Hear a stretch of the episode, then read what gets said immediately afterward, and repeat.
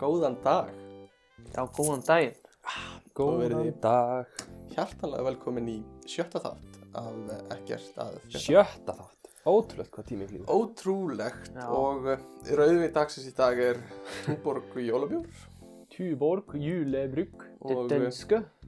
hann er frá Danmarku Denskest stu mest selde býr stöðresti býr Stureste býr eh, og er alveg æðislegur í ár Það eru dekkri umbúðir samt á honum í ár mm, Sem er rosalega Já, og mér finnst það bara svolítið endurspegla svona stöðuna á samfélaginu Hún Það eru dekkri heldur en síður ár, síðust ár Já Það er og rétt. mér finnst Túborg er yfirleitt með puttan og púlsunum hvað var þetta? Já Það er svona fylgir svolítið samfélaginu Klálega sko. Örgulega alveg klálega ekki tengt því að Túli hefði gefið út umbúðina sínar alveg eins og Tuborg Nei, Nei. síðust ár Nei, þetta, er, þetta tengist allt samfélags uh, þróun mm, í- Strákar, hafið þið verið brókaðir? uh, Nei, eða það Já, ég- Af einhverju svona, einhverju bróðurðinn eða af einhverjum bara bróðum mínu sko. ah, ok, En Hefur hefur bara verið, verið brókaður Já, Hvað bara, hefur bara komið aftur að þér og liftur upp á nærbúsum já. þú, já, Endaði, já, hvernig endaði það? Hann var vond sko. er það? Já, Skrítið. hann var mjög vond sko. Það er ekki gott Nei, hann var ekkert gott við það. Nei, uh, Ætlaði sé einhvern sem fílaði smá já, hottið Er sko. það, heldur þetta sé eitthvað fættis í kynlíf? Það er ekki svona mikill nörd nema hann fíla að vera brókaður sko. Nei, rétt. uh, En hafið þið fengið vett willy? Já, blessar. Þú veit, er það ekki puttin hann í eirað? Já, það er einhver sleiki puttan á sér og Já. svona nýttur á minni er það Er það vond það? Ógæðslegt. Ógæslegt Það er bara viðbjöður. Bara við, bara Þú veit hvað, blautur festist putti. það þá við himnuna? eða Nei, eitthvað þetta er bara, Nei. prófaði bara að gera þetta sjálfa þig Þetta er bara viðbjöður Þú veist, Þetta er bara blöytur Já. putti sem þú veist að var bara svona slef úr einhverjum svona? Já, ok. Býtu þú líka lendið þessu? Ég held, Það ég er er líka veska. lent í þessu sko Ég maður ekki, bara eitthvað svona stríðinni Ég hef reyndar einu sem lendi að hérna, að svona, þegar það var að stríða mér, þú Mm. veist, svona eins og gerist fyrir nörda, Já, að við lendi því að, hérna, manneskja borðaði mandarínu bita, Mm. eitt bát, mm, eða sett hann upp í sig, já sög hann aðeins og bauði mér svo mandarínu Og í barasta Oh. og ég borðaði það bara. Og og svo þegar maður upplifir það, þá sagði barasta hann- Og sagði henni þessu eftir á Já, Eða hún Var það kennariðin? nei, þetta var hann sko Já, ok Þannig að ég, ég lenti þessu sko Og í barasta Hafið lent í swirly. Ég ætlaði að spyrja þetta líka Er það ekki klósettið? Jú, hann klúst sko. En, en hvernig virkar þetta? Ég hef aldrei, ég hef aldrei séð þetta beint. Er þetta ekki þegar búlíarnir taka nördan Mhm. og stinga hausnum hans ón í klósettið Já, og sturta hann Þetta niður? niður. Já. Þetta er viðbjóðslegt. Það er ógæðslegt. Er líka það sko. bara- Hversu brútal? Líka bara lúmst viðbjóðslegt fyrir nördan, nei fyrir búlíin. Þú veist, hendið þeirra er ón í Þetta er klósettinu. bara Já. vatn sko Já, en þetta er samt kannski kúkaskánir og eitthvað svona sem eru að sullast yfir þig. Já, en þetta er Þetta er bara partur að vera cool viðbjóðslegt. líka sko Já. Svo er sko, svo er svona, eh, svona brókanir eða þú ert festur á fánastöng og ert hýður upp. Það er geðið snið Það er mjög sniðið. Þetta er svona Þetta er ekstrím nefnilega, þetta prófanir. er svolítið svona creative að vera góður svona búli Já, það er nefnilega ekkert auðvelt sko. Munið Þú vilt þegar- ekki vera svona klísjubúli, þú vilt átt fara svona í nýja leið. Hvað var uppáhald trikkið ykkar þegar þið voru að búli ykkur? Þegar ég var að búli að var ég svolítið að hérna tattúa á fólk. Já, það er þetta ógeðslega fyndið Líka þá hittist þeir eru í júnioninu og þú getur verið En það eitthvað Mm. með hei tattúið. Já, Mast eftir þessu og það var Já. eitthvað svona nafni mitt eða, já, eða ég mynda mér, já, uh, þú veist, á tippin hans eða já eitthvað. Hlæm allir að þessu í dag Já. Hvað varst þú að vinna með ekki? Uh, Ég man að þú varst svolítið mikið að, að hérna, uh, nota svipu. Ég hef enda tvis að lendi að ykkur síni mér tikka þessu Bara þurr. Náðan sem ég vilja Já, ok. what? Í grunnskóla Hvað er það? Já, ég sem ekki farið til það Tvær mismandi manneskjur Var það kennari? Ó. Já, já, Það var marinn og myndlistakenni. við skulum neymdroppa Já, já, Já, komum með einhverju svona orður um það varst það. um, nei, það, já, já, það bara kom fyrir já, ég, ég- já, ég hef ekki mikið lent í að vera sínt tippi. það var samt, ég man ekki, það var einhver umræð einhver staðar, hvort það var í einhver podcast sem ég var að hlusta á en þetta hérna þetta að pissa á einhvern í sturtu lendið aldrei í því Nei. A golden shower já, sko, eftir æfingar átt í korfinni vorum við með svona töffara nokkra Já. og þeir voru rosa mikið að gera einhverja svona sprengjur í sturtunni Nei, úr pissi já, þannig að þeir halda, þú veist, forhúðin sem lokari Já, og og spenna fylla upp í Já, og ok svo svona sprengja þér yfir og að, alveg, þetta er bara svo þetta er svo, svo leiðileg típa Ángríns. Eða, þú veist, já, já, þú ert í sturtu og eitthvað svona en þetta er samt svo bara, þetta er svo leiðileg típa Já. Það eru örglega einhver hátt settur í samfélaginu í dag sem var í þessu mikið pott, Já. svona Ég sé fyrir að Bjarna Ben Bjarnaben er alveg svona Já. típisku pissu sprengjugæði Já, típisku sko alveg bara, ég er Já, eiginlega vá, ég alveg pæli í, hissa. sko. Já. og Sigmundur Davíð er gæðin sem hann sprengdi á sko. Já, Já. klálega sko það er bara eiginlega engin spurning sko. Kata Jak var líka örglega einhver algjörbúli mér langar svolítið að vita hvort það var eitthvað svona í stelpuklefunum einhver svona stríðni að það var alveg svona stundum eitthvað svona eitthvað svona leiðindi í strákaklefunum Blöitt Já, hangklæði, hvað gerðist flengja- þetta? já, hangklæði Það eru Hangklæðin. sennilega Djöfut var ekki það pissa. óþægileg stundum maður. já, já, Svipu hangklæðin. já. Gera þær ekki bara alveg að sama Ekki Jú, þær eru náttúrulega ekki pissu pissa dæmi á en er hana. ekki alveg að mikið flipp á þeim eða? Jú, jú, jú, örgulega bara 100% sko. Já. En nei, örglega ekki, strákar er svolítið meiri í svona brútal ykkur sem Já, krakkar ég veit ekki, já, kannski er einhver svona meira eitthvað svona psychological warfare í gangi í stelpuklefunum bóttið sko.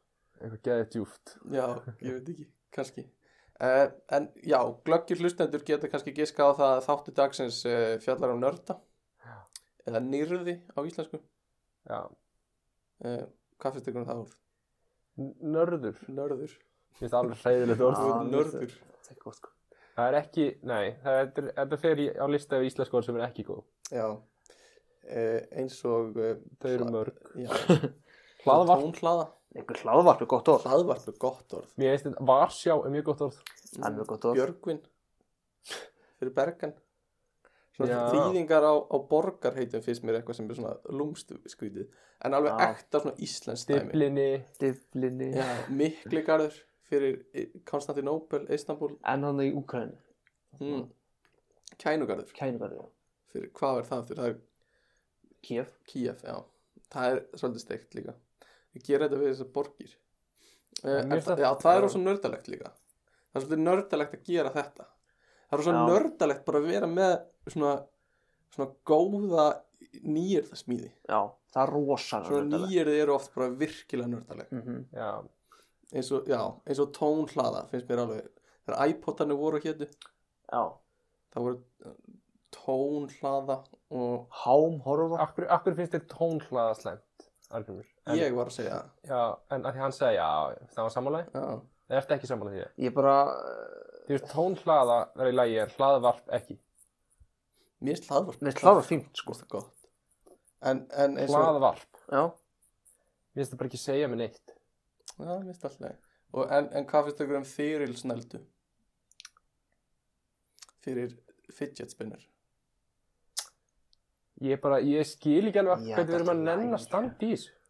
já, mér Er finnst eitthvað nefnd sem er í þessu á Íslandi? Nei, já, og hún sta- samanstendur bara Braga Valdimars hann er bara einn Já. hann er mikill nýjar smiður mm, Þegar hann fellur frá, þá fellur íslenskan frá. já, þá Já, er bara getur pottur. við lagt hann á hilluna sko. þá er það bara spænska Það eru bara spænska. Donde esta la Bragi Valdimars Vá. Mm, takk Einhver fyrir. er búin Jú, að þetta er góð greina mönnum spænsku. sína. Kom á Estas, já, ég tala alltaf spænsku hérna út í Hollandi What? og allir eru bara, no, no, No, no. kom á Estas, no. No, no. Um, en uh, að- kannski áðurum við fyrir dýbrón í nördaskapin, hva, hvernig var síðasta vika hjá okkur? Síðasta vika mér, ég var á Íslandi. Mm, Æðislegt að koma til Íslands. Komið flóð til Íslands, fjöxtur pítsu að borða. Fekk mér Dominos, það var himnasending. Já. Þetta, þú varst að segja við okkur áðan að þú hefði verið í bara svona food coma Ég var bara í food coma. og bara þarna. eina sem þú mannst er bara svona flashmyndir Já, af ég man einhverjum bara mat. Já, ég maður bara eftir svona að tekja ákvörun um næsta, eins og þetta á djamminu og þú eitthvað svona manst bara eftir eitthvað ef að fara á barinn. Já, já, Eða, þú já. veist, Eitthvað svona svona Þetta er momentum, svona hvað er næsti drikkur og bara Já. hvað er næsti matur hvetur ykkur næsta rán. já. Eitthvað svona, en þú veist, þarna bara, þarna var bara já, Ég bara man bara eftir því að hafa tekið ákvörunum að borða meira. já, já. Svo bara er allt, allt í móðu. Já, Þú fórst til Amsterdam ekki? já ég skellti myndi ans Hvernig var það? Það var drullu fínt það. Það var algjör mjög rigning sko þegar ég mætti. Umlugt viður oft í Amsterdam Já, einhvern veginn í þau tvö skipti sem ég hef farið sko. Já. Alltaf glata veður. En og varst bara að chilla á bar og drekka bjór á og pepparöll sko. pepparöld Er lúmst betra viður í endur? Mm. Er það ekki alltaf svipað? Ég er Já, nefnilega veit allt í það ekki, en þú veist, mér finnst eins og dagarnir sem ég hef upplegað í Amsterdam Já. hafi eiginlega verið verstu dagarnir sem ég hef Já, upplegað viður. Mér finnst, þú veist, mér finnst fáir þannig dagar hérna úti, skilja alveg kallt Mhm. og það er alveg rigning og eitthvað svoleiðis. En einhvern veginn finnst mér svo veðri í Amsterdam hafi verið verra. já ég veit ekki, kannski er eitthvað verra að búa við sjóin eða eitthvað uh, já. ég uh, gerði þér svo lítið ég er að fara til Íslands líka núna í einhver tíma já, svo ég skil ykkur eftir í smá stund ég veit Já. ekki alveg hvernig það fer það er kannski bara... sjáumstu bara um jólin Já. Eh, en yes. uh, við vondi getum haldið áfram að gera podcast þráttur já. það um, Sko Gaman að segja frá því að okkur bárust nokkri tölvupostar Júli ránað með það maður. Já, það er virkilega gaman að- að heyra það og Skulum bara líka frá taka góðum- tíman og, og þakka hérna, þremur spilunum á Spotify á síðasta þetta. Já, við getum séð hverju hlusta á okkur sko og, og Ég heldur það er- reyndar að ég hefði spilað, en ég er ein. Já, ok Það er Svo að klára Það er þáttinn til að fá spurning spilin. hverju hlusta á þetta sko Spotify Nei, það þarf ekki að klára En byrju, er nógu í bara að byrja? Nei, ég sé sko starts Svo sé ég bara, þú veist Listeners, þú veist Fjöldi mismunandi hlustara Já. og svo sé ég uh, s- streams sem ég held að sé þú veist hverju klára eða þú veist þá Já, er hlustað einhvern tíma svo ég get sé hverju byrja og hverju hlusta og hverju hver margir mismöndur hlustendur Mm. um, og þeir eru þrýr á síðan þætti en það er spurning hverju Við hlusta hljótum á að fara- Spotify og hverju hlusta á Soundcloud sko. Við hljóðum að fara að kassa inn á þessum þremur. það er- það lítur að vera við höfum allan að góð svona gott influence á þá Já. klára uh, það. og ég veit að Tommi hlustar á, á Spotify nei á Soundcloud sem Já, er ekki ok, inni. akkur notar hann ekki bara Spotify? veit ekki að það er eitthvað vesen á Spotify sann uh, en hérna við förum í þessa tölupústa eftir sem verður virkilega gaman og uh, sjáum hvað kemur út af þeim Það uh, verður allavega virkilega gaman. það verður allavega virkilega gaman og ef ekki meira það uh, já hvað er að vera nörd Aggi þú ætti nú að vera sagt þetta hér Sko, fyrsta sem kemur í huga er eitthvað svona, að vera með nafnið Þú sitt fórst- skrifað á nærbúksunar Þú fórst svolítið, já, við að vera með Apple-pennan sinn mertan. já, Við lína, Hey! það er nördalegt. það er ekkert nörda. það er bara ógeðslega velgert. mm, veit Klassíkt eitthvað sem nörd segir við þessum hlutum. mm, En sko, ekki, þú er svolítið farið svona, þú varst náttúrulega alveg massíft nörd þegar þú varst yngri, Já, já, svo varstu svolítið cool í smástund smá stund, og ekki. svo hefur þú transitiona aftur yfir í nörd. Já. Ok, Já. aðeins bara svona, svona, við höldum áfram með þetta en aðeins nörd er það kallkins eða hvorukins orð? Það er hán. Já, en hán er hvað? Ég myndi segja bara kalkins og sko. Já, en gummi sagði á Það það er, hvor- nei, hvað minnur? þú veist, nördi Það er bara ekkert ki... Já. Ég, Já, æ, ok ég, Ekki Mér verið fannst, svona braga Valdimars pælingar. ok, sorry já. uh, Já, sorry, þú varst nörd Marja Björk, hringjum í hana. Já, sko, skilgrinningar nörda. mm. Eða Eh, nördi Sko, já, það er nördi. Ég myndi segja eitthvað svona fantasy, fíla svona, Já, eitthvað því tengt. þú svona- tengir þetta við eitthvað svona Lord of the Rings, Ah, Anime. eh, D&D, Anime. anime, Já, þá ertu eitthvað bara þar sko. Já, það er samt aðeins Furries. an- annað Hæ? Að vera furry. Furry er ekki nördalegt, furry er bara eitthvað allt annað, sko, það er bara eitthvað beyond, sko. Það er alltaf mjög nördalegt, sko. Fyrir það sem vita ekki hvað furry er, ég bara Ég hvet veit ekki ykkur hvað að er, googla hvað það. Það er svona fólk sem klæðir sig upp í, í svona Sem dýrabúninga, Ah, en samt dýrin eru með rosa svona mannlegan brag og svo eru þau ofta eitthvað svona, svona kyn, svona, svona sexualæsa þessi dýr sem eru svona Ok. næstu mannleg.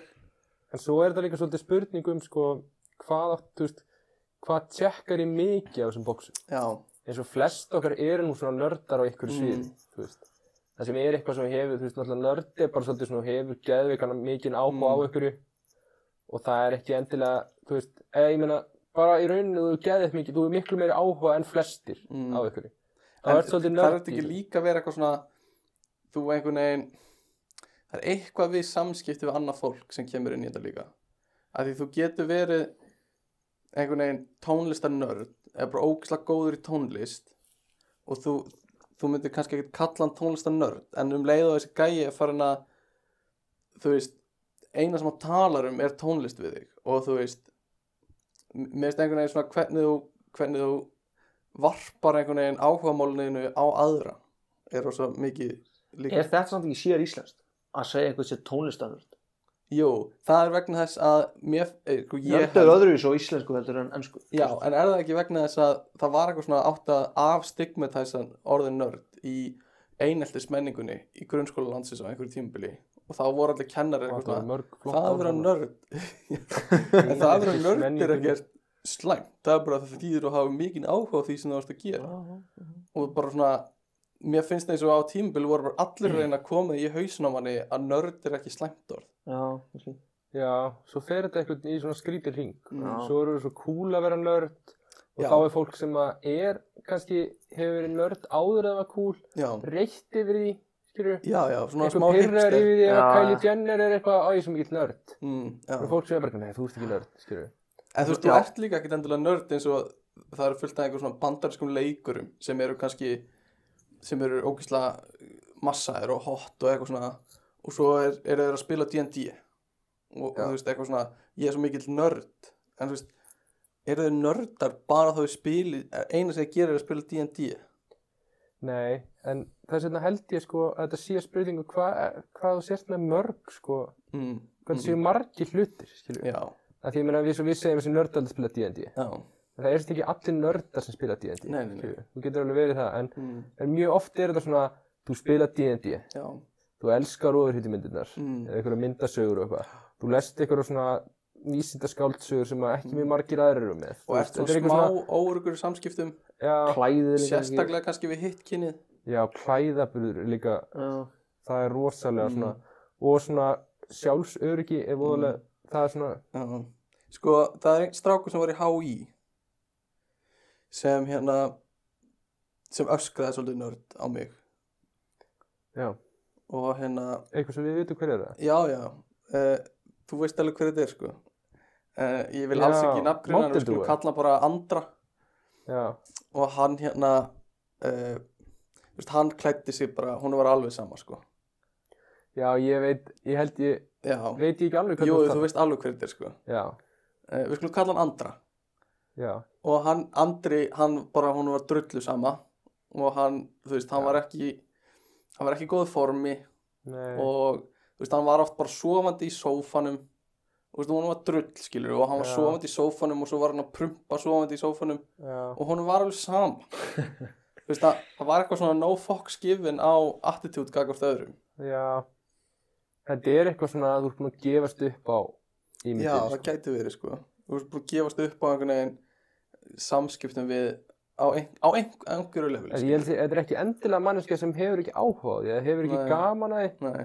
heldur hefur kannski lent í líði eða Mm. eitthvað svoleiðis. En Já. kannski er hann bara rosa sjarmur, skilur, í sínum ring, skilur. Kannski er hann alltaf í Nexus og er Já. að spila. Já. Ég held mér þess að ég hefði síðan í Nexus einhvern tímann að spila.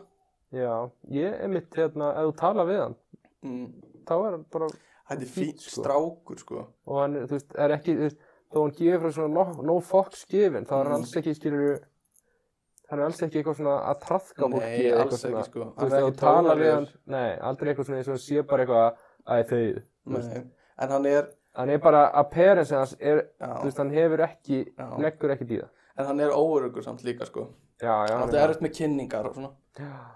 greið drengurinn hann fór alveg yfir um fyrir eina kynninguna en það er annar mál um, sko sko á Íslandi finnst mér líka mjög mikið nördastaður er Ground Zero sem er ég hef tölvuleikja aldrei komið inn á Ground Zero Nei, Nei. ekki heldur það er svona tölvuleikja hólan þannig að sem var einhvern tímann á laugaveginum en núna Það er komin ekki síðumúla eða eitthvað. já, í Það skeina er grensasveginum. já, já, já, örgulega Þetta voru lögumegin, fluttu já, þið fluttu sko Já, það er ekstra hjá skefinu. já. og hérna, ég fór þangað einu sinni og mér langaði bara að prófa og þetta var bara nákvæmlega eins og ég hafði ímyndað mér við fengum eitthvað eitthvað hérna eitthvað tölvu og liklaborðið var bara klístrað og í maður og við fengið einhver hirnatól og maður bara svona vissi að það var einhver sviti í þeim Já. og eitthvað svona og svo var gæi við hliðin á mér einn þeirra var með bara sko bara, bara innkaupaboka fullan af nammi og hinn var með eitthvað svona hambúrgara og franskar bara yfir tölvunni En er þetta League of Legends sem maður vennur að spila þarna? bara alls konar sko Eða þú veist, er þetta lið sem er reglulega þarna? Er þetta, Mm. er þetta bara að spila einhverju leikið?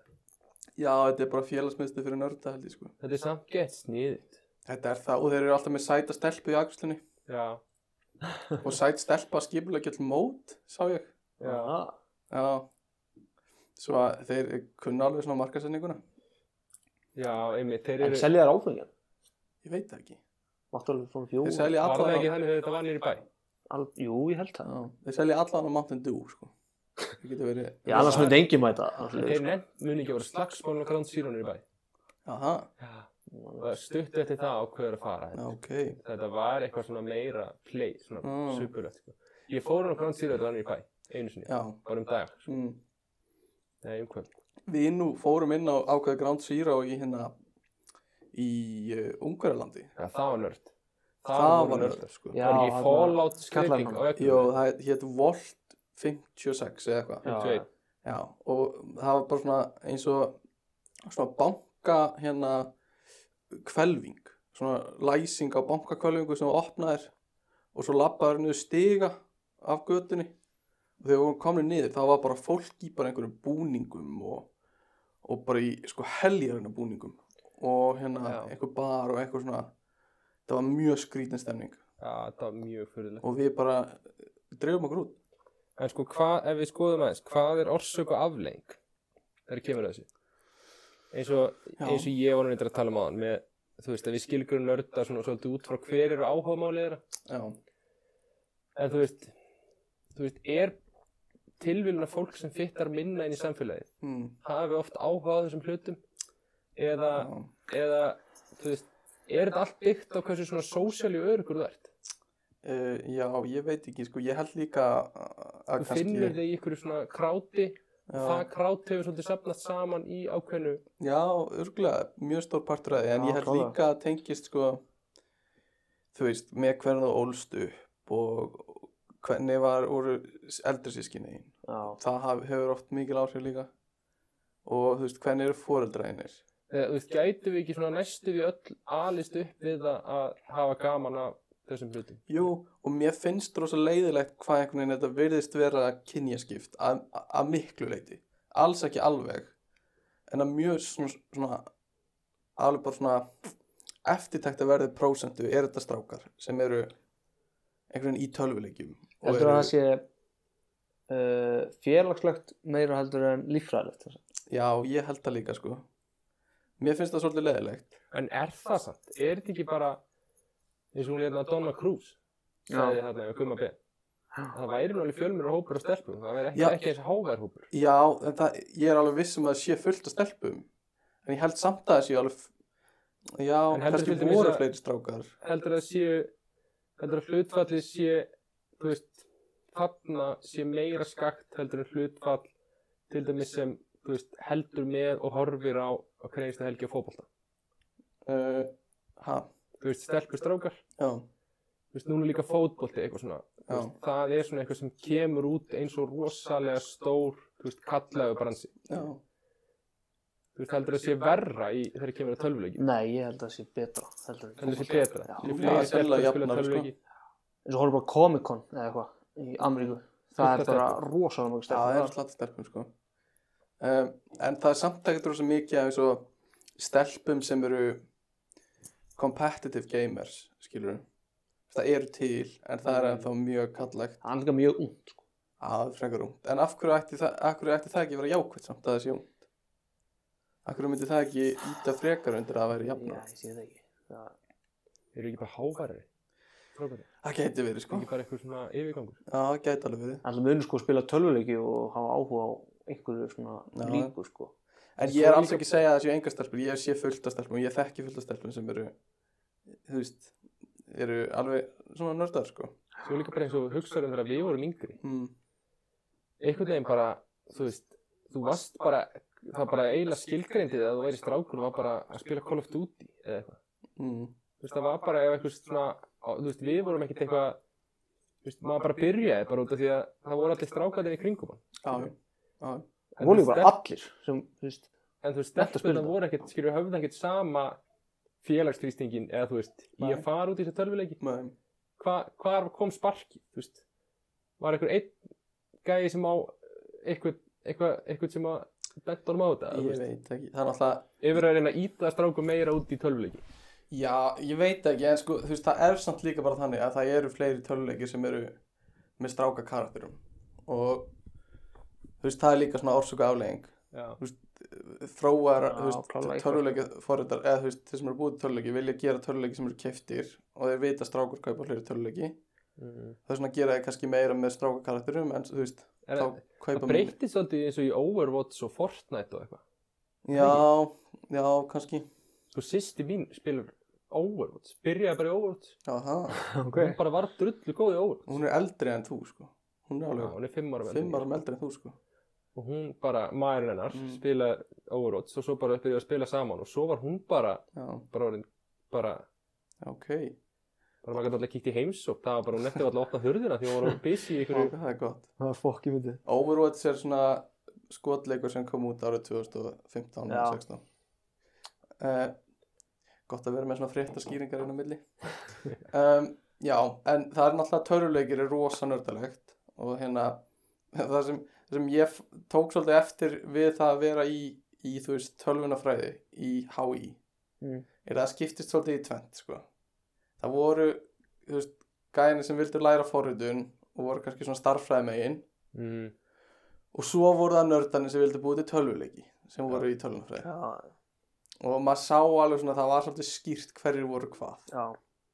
og þá eru það bara einhver gæjar sem voru kannski í tækni skólanum og Já. vilja bara læra að gera tölvuleiki og eitthvað svona halda að tölvunafræði sé næs oft háværari hópur já, já, örgulega uh, en þú veist, ekkert að því bara gaman að geta lært eitthvað en eru kannski ekki já, eru kannski erfiðara með einhverju áfanga og eitthvað Alltaf eitt sem er nördari þá er það starffræði Já, það er bara annað, það er einhvern veginn eins og það sé bara allt önnur hlið á nördað pe- peningnum sko.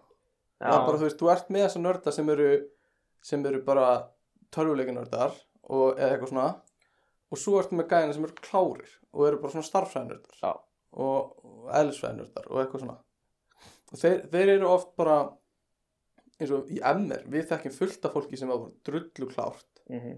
og eiginlega ekkert í svona tölvuleikjum. alveg svona 90% MR eru svona, svona, Já, svona, svona, svona skólanördar já, já, já, já.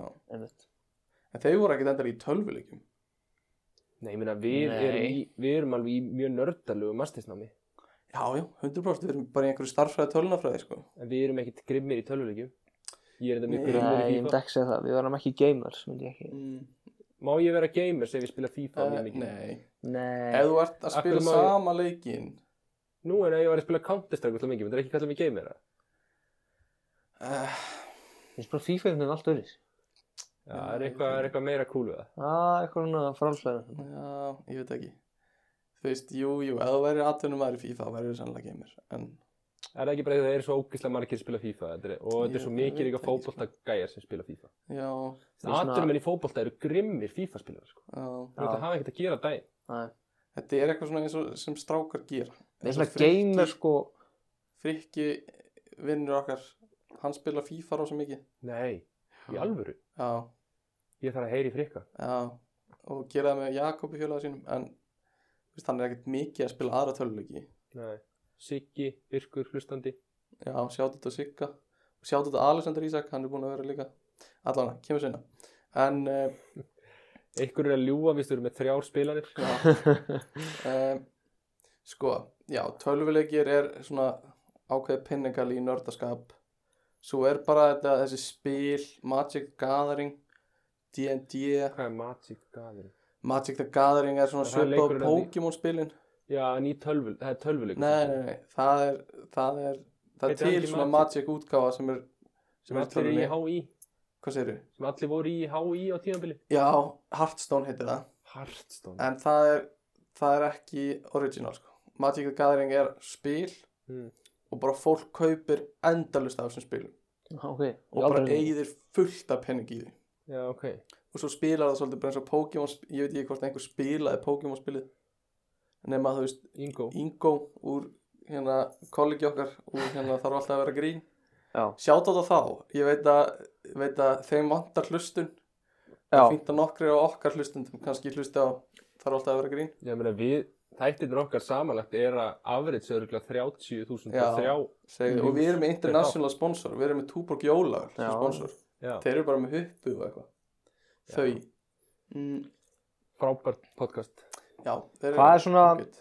nördalegsta sem þið hafið svona dottið í? sko ég horfar á svo mikið að nördalega vídjóum sko ég er mikill youtuberi já ég og Já. horfar á svo mikið að einhverju svona ég horfa á tölvuleiki oft já en hefur ekki dottið í svona eitthvað svona Jú, Bara- ég var Rubik's Cube maður það er enda svolítið nördalegt Mikill Rubik's það Cube er maður á rosalega tímabili. nördalegt í pæli Já, það er ógislega nördilega Og sérstaklega þú ert búin að kaupa þarna tíma já dæmi til að taka Já, tíma móttina, Einmitt. ég gerði það reyndur aldrei En ég átti alla kaup, eða ég átti alveg upp í 5 5 sinni 5 mm, En nördalegsta sem ég bara sem ég stunda já Vá Ég veit ekki, ég er ekkert svo grimmu nörd En ég er samt svona Ég hef alltaf hatt gaman að smán svona, Ég hef alltaf svona haft svona gaman að öllu sem er nördalegt svona upp að ykkur marki Já, sem er bara mjög heilbrygt Mér finnst alveg glata að þú varst með Svona closed mind á þetta Bara eitthvað svona, ó, D&D Það Já. er bara, ég myndi aldrei prófa Eitthvað svona, Mér varst ógeðslega gaman að prófa D&D já Mér- Það var einhvern veginn, það var miklu skemmtilega já heldur En, að ég en þið vinna, þú veist, það er bara svona Nennir að leggja vinnunni í þetta að vera í Ef þú Já, ætlar að vera í D&D þessu já. þá verður það frá all-in sko. Já, en þú Já, veist, við sérstaklega prófum fyrir þetta Gæjan sem er, þú veist Dungeon Menn Master. að mæta og gera spilið Já, skilur. já, já En gæjan sem er Dungeon Master og eitthvað Já Sko, D&D er fyrir þeir sem veit ekki hvað það er þá er þetta svona hluturskaleikur Þetta eru bara þrýra hlusta og þeir vita allir hvað D&D er. Ég vil bara að þetta sé vel arkafað fyrir í framtíðinni þegar við erum komið stóra hlustendahóp sem eru að hlusta aftur í tíman uh, Já uh, Já, D&D þá er einn sem stjórnar og, og svo ertu svona að roleplaya bara uh, Ég Þetta ákvað er að styttri stýtta útgáfan. Ég ákvað að stýtta þessa útskýringu uh, Já, uh, en eins og Latador spilið Er það nördulegt? Hvað er það? Nei, það er ekki nördalegt Hvað er Það lat? er ekki að tala um matador Nei, Latador Nei, Matador Nei, Latador Hann er ekki að tala um Monopoly, sko Nei, hétt ekki matador Jú, hann er ekki að tala um það Ég er ekki Nei, að það tala er ekki um Matador. monopóli Jú, er það eins og Monopoly? Það er eitthvað svona latibæspil Já, það heitir Latador Það heitir matador Nei, Vís Stefán það er til Matador og Monopoly sem eru alveg einspil, basically Latador En Latabæðspilið hétt Latador Svona dökkgræn Já, hétt það Hétta- ekki Latador Ég sverða það heitir Ég get svo matador svarið að það hétt Latador Þú ert farað með svo mikið egg on your face Fuck, sko Ég verða á réttur ykkur En hann Nei. segir þetta í Office Hvað segir hann? Hérna, Dwight segir, hérna, en hann frasa Já, you're gonna have egg on your face Já. Ég veit það Aggi er alltaf með egg á Heyrður alltaf það þaðan, eða? Ég hef heyrt þetta á mörgustöðum Ok. Ég er alltaf að segja Hæður þetta Stefán að hann sé með egg on his face ef hann hefur átt fyrir sér Ég finn ekkert að Google myndir Nei, googlaðu bara Latabæðspilið Þetta er, ég er að segja það En Jú, það Latador er þetta meika meira sens Ég fæli sko. En hérna Akkur fannst mér eins og Matador að það væri eitthvað Monopoly útgáð Það er, Já, ma hérna er sko þetta. Já. Matador er eldri útgáðan af Monopoly Basically Já, akkur sagður þá nei við því Ha, Hvað heldur, er Matador ekki bara eins og Monopoly? Jú, Já, ok, Já. ég er bara að vera eitthvað örglust Já. jú, það var latador Yes! Boy, do you have egg on your Ah! Þölvaður sköndull maður Já, heyrðu Ég held reyndar svona, svona, maður er aft nokkur Og móment gott spil samt Já, Er það? Já. Ég hef aldrei spilað það. En maður hefur átt nokkuð móment að ég er svona, ah, þú veist, erum við ekki konar nótt. Ef til dæmis þegar við vorum að hanga inn í íbúðinni í Nýs að grípa Pokémona. Já. og mm. vorum byggðið að svona raða deginum okkar þannig að við erum að ná í Pokémona Mm. Já, þetta var ekki eitthvað sem kom fram í jamþættinum uh, En í Þetta er inn á milli jamferðinni þessi ykkar og- til Falklands Það var samt svo rosalega mainstream þetta Pokémon dæmi. Já, það var Að maður hugsaði þetta ekkert. en, en sko Tommy tók þetta of langt sko. Já. já uh, Fór hann bara út að labba og eitthvað Já, og var líka bara hann vildi bara ekki fara út úr húsi út af, því, að, út af því að það var virt pókestoppi sem var fyrir utan húsi Já, Já, ok einmitt. Sko, það er Þetta var magnað sumar einhvern veginn hvernig þetta varð mainstream Pokémon og ég er búin að sjá marga í þessu hérna úti. Já, og það, já, ég ætlaði einmitt að segja það Það er bara fólk rosa mikið ennþá í þessu hérna, sko Já. og ég, við vorum búin að sjá fólk frá Asíu voru Asíu sem aðilar. var mikið í þessu Já. en ég sá í dag Mm, eitthvað sem var bara í þessu og hann var bara hollending sko, já, ætli þessi ég bara búin að sjá skjáinu og hinum er eitthvað já, býtu þetta var gaman Ég- ég veit ekki, ég var út að labba á þann og labbaði fram hjá svona leysertakstöð og þar var bara, bara svona plakkat sem stóð á hérna er Pokestopp chillaði að fá þau bjór já, svo þetta er víst alveg ennþá eitthvað þing sko. núna er alltaf þetta batlað eitthvað ég heilt já, ég veit ekki, ég downloada aldrei sem leik sko. mér langaði ekki að taka þátt í þessu Já. um, Var þetta á mainstream fyrir þið? já, það var of mainstream ég hefði tekið þátt í þessu Það er mjög nördalegt að væli við mainstream hlutum. já, það er nefnilega, líka sko. nördalegt væli við dósasláttri hei, Já, það er Nei, nördalegt. og, og pyrra sig á okkur svona nei, sko, ef að Öllum er þættir sama. ef þú ert að búa til þætti yfir höfuð þá eiga þið bara að vera það góðir að þið standa á þess að vera með dásalöður en það er annar mál Það er allt annað mál. sko, Tökum það sem þetta. er nördalegt eru svona leiðrýtingar er að þú sérð eitthvað einhver staðar, að þú ert að hlusta á podcast til dæmis og einhver segir að uppáhaldspilið þitt heiti Matador en ekki Latador að senda tölvupóst eða eitthvað svona fyrirgefi, það heitir Latador já, já, já Það er líka mjög nördalegt að vera með mús í skólanum.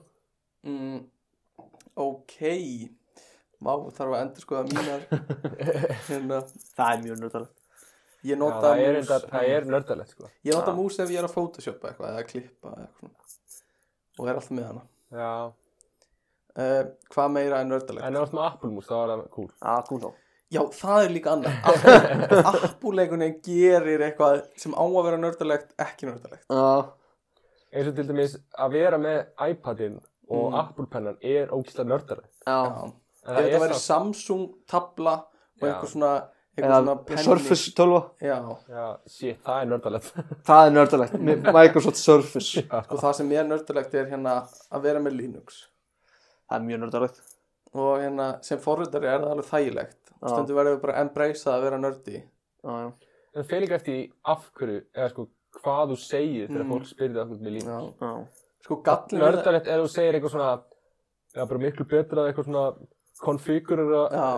bara Já, já. kjarnan eitthvað svona segir eitthvað svona Mm. eitthvað þannig ástæður Já, sem enginn af þessum nördum er eitthvað að Nei. gera Já. þeir eru bara í já, en það er líka, sér maður svolítið þannig, það sem að skilst að sko hvort ertu forritunarnördin eða tölvuleikunördin já, að því Linux er svolítið að svíkja sína eigin bræður með því að hafa lélegt úrval af tölvuleikum Já.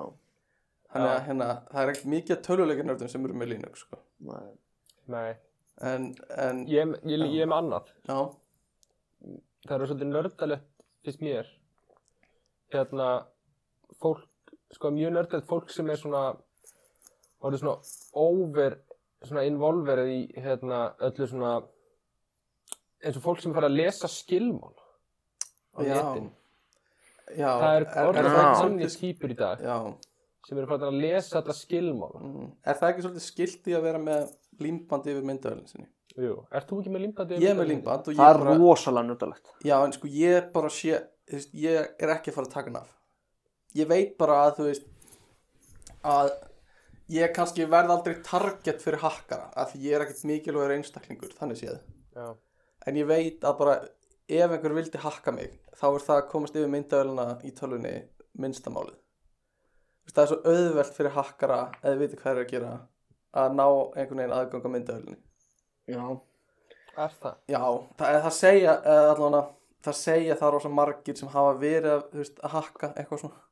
Já, Og það sem ég er- heyrði því þarf alltaf að vera grín Í- Já, og það sem er creepy er líka að þú veist, það er til síða á netinu einhvers staðar það sem er bara strímað sko, vídeo af webcamum sem fólk veit ekki er í gangi Já, ok. Já, bara alls staðar aður heiminum er bara einhver búinn að hakka sér inn í einhver, einhver webcam þú veist, tölva þín getur verið að streyma og bara hérna og það er Blessaður. bara, bara ströymur að því einhver staðar á netinu Já. já. svo að mér finnst það ekkit að ég að líma bara fyrir Bara Ég partur nota á þessa netinu. tölvu aldrei. hvað segir Bara partur á netinu. þetta er bara partur á netinu það ætlar að taka þátt í þessu það verður- það verður bara eh, fá einhver gumma aftan í það þjóðatíð þetta er Já. bara partur að því Já, en, en hvað, af því að þú spurðir á hann, mér langar svolítið að vita, ert þú með svarið í hvað er svona þitt nördalegasta mót? já, það er góð pæling Hmm, já. Ég hef verið nokkuð djúpt. Er það? Svona á mörgum stöðum, sko. En alltaf nördalegast hafi ekki verið Yu-Gi-Oh! varstu Yu-Gi-Oh maður Ég var gríðalega Yu-Gi-Oh! maður. í alvöru Já. getur þú nefnt mér einn Yu-Gi-Oh Blue Eyes White Dragon. fyrir ekki Blue Eyes White Dragon. einu, ha, Blue Eyes White Dragon. Blue, White, White Blue Blue Eyes. Eyes. White Ah. Dragon. Það var að spila hjá Kaiba. Áttiru, Hæ. áttiru, áttiru stittuna. Stittuna. Já. Voru ekki svona litli kallar sem hvað safna með þessu? Nei, það var, hann að, Dragon eitthvað. já, dra hvað hefði? Dragonite. Nei, hvað heitir það? Dragonite. Drakko kallar Draco. Draco kallar. Það var gaman maður Þá var maður að kasta á Mér fannst skemmtilegast við allt þetta var að þú veist harka og Ég er samt farið að spila Pokémon. já Já, Ég djúla alveg Yu-Gi-Oh! sko. já Nei, ég- Nexus heldur reglulega Pokémon spilakvöld Veit ég Ég er enda tók sko, ég er enda tók svolítið Minecraft svolítið, fór svolítið djúpt einu svona alveg hann. Já, Það var bara margir klukkutímar. Eða, Mm. mm. sumi tölvleikir hef ég tekið svona aðeins svona. já eða Gran Turismo því ég kæfti í formúlureysinu sem var 5 klukkutímar What? sko í rauntíma En var, hérna, Skyrim, var hann ekki of mainstream til að vera nördalegur? Nei, alls ekki ég ætla að ég var ekki á mainstream þá tók ég hann grimt maður. Já, við tókum hann helviti grimt mann. Mm. Úff, djúla gott mann. Já, ég spilaði það aldrei uh, Djúla mistur hann miklu það. Já, já, það er, ég var, mér langar alltaf að byrja aftur í honum já það er svo margir tölvöki sem að ég svona á minninguna af- ég var svo mikið nörd í þeim og mér langar aftur í það það er ekki eins Þú veist, ég væri til í að geta verið í skærim fyrir jólafrínu, mm. bara allan sólarhingin og verið bara spenntu fyrir því bara, bara, bara öllu sem maður gera, bara eitthvað að levela sig upp og verða góður í einhverju sník og eitthvað svona Já En uh, tölvuleikir Hvað með bíómyndir? Það eru nú líka oft mjög nördalegar Marvel myndirnar, ofurhutum myndirnar Það er samt orðið svo meinst já, Það það er svo, já, það er valla nördalegt, sko. já En er það samt, ok, það er samt svona það er, það er hann eitthvað þrep á milli yfir í nördaskapin myndi ég segja, Já, ég það myndi er segja sko það er eitt að horfa á Marvel myndirnar, það er orðið mainstream Já, já. Skilur, það hafa allir síðan Marvel myndir og það hafa allir alveg gaman að þeim upp að einhverju marki Já, en svona eins og eins og þú Stefán ég þegar við förum á Marvel mynd mm, og þú veist eitthvað sem engin annar veit skilur Já, Úr eins og ef teiknumyndasögum. þú vissir þú veist, ef þú vissir hann í endan á Avengers já, að Captain Marvel að þetta væri logoð hennar og eitthvað já, já, já, já. það er eitthvað svona, skilur þú veist, það er annarkvort veistu það bara þegar þú veist rosa mikið í kringum þessar ofriðutumindir sem er ekki hluti af því sem þú séð í myndunum Já, já. eða þú ert búin að, þú veist, náttúrulega kannski ertu gæinn sem var bara búin að lesa þetta um myndina eða eitthvað, en það er svona þrep þar sem þú bara veist þessa hluti þegar þú veist eitthvað meira, þegar þú ert búin að vera að horfa á eitthvað YouTube-myndbund og lesa eitthvað um þetta eða, Ég er sammála því Það er það sem þar verður nördi sko. mm Af því núna er ekkit nördalegt að horfa bara á marvulmyndunar Eins og frikki vinnu minn Aftur og embla eiginkona hans Þau horfðu á alla myndunar En þau eru ekki nördar Nei. Og frikki er bara, hann er of mikill svona, svona forstjóri til að vera nördi Já. Forstjórar eru ekki nördar Nei, þeir eru ekki nördar, sko. Það er bara klárt mál og þú mætir, hvað segir þau? hvernig öðvöld maður forstjóra titilinn svona Bara verður eins og frikki sko Þú veist, þú mætir bara í, ert í skirtu og svo ert í peysu yfir ert með skirtunni alltaf hreinu Já, og svona hárið er alltaf skipulagi. einhvern veginn on fleek já, og þú veist já, aldrei í sweatpants upp í Já, skóla þú ert aldrei í sveppens nema í prófunum máttu það einu sinni eða eitthvað já, uh, en, en hann er ekki nördi en hann hef, horfði samt á þú veist, það, fólk bingear svolítið svona marvunmyndunar oft þú veist, það hefur kannski ekki séð þær allar og eitthvað svona, ok, nú ætla ég bara að horfa á þetta sem ég kann að meta, sko af því mér finnst það oft fólk þurfa bara að horfa á svona myndir til þess að bara taka þátt í, þú veist, umræðinni og vita svolítið hvert svona eins og núna er Marvel bara þú veist, það, það gefur bara svo miklu vísmyndingu um hvar einhvern veginn kvikmynda yðnaðurinn er það er bara eitt stúdíó sem hefur bara framleitt 20 myndir í einhverjum einum þú veist, kvikmynda bálki og þú veist, Já. það eru allar myndir sem eru framleittar í dag er annarkvort endurgerð eða einhver svona framhald af einhver annar mynd eða byggt á einhverju bók sem einhver annar hefur skrifað það er Ég- sjálfgeft já. að finna einhverja original concept á mynd Ég finnst líka þess að ég þurfi bara að sjá þess að Marvel myndir mm. bara til þess ef að mér langar að fyrir bíó næsta árið já, af það því er bara að- svolítið eins og svona þú Ah, Kom, veist, kom ekki tvær ára eða eitthvað? þú veist, ef tvær ár. þú missir að- ef þú mistir að fyrsta Avengers myndinni já, skilur að þá hefur þú ekki ástæðu til að vera eitthvað með í þessum þessu hæpi að Nei, önnur myndin já. sé að koma og fara með á hana og þú veist, það þekkir ekki já. myndin þetta er bara svolítið eins og Game of Thrones skilur, það voru allir að tala um Game of Thrones já, við þig einhvern veginn áður en þú sást það já, og þú misti bara svolítið af einhvern veginn já, að geta tekið þátt í einhver ár svo horfður á þetta já.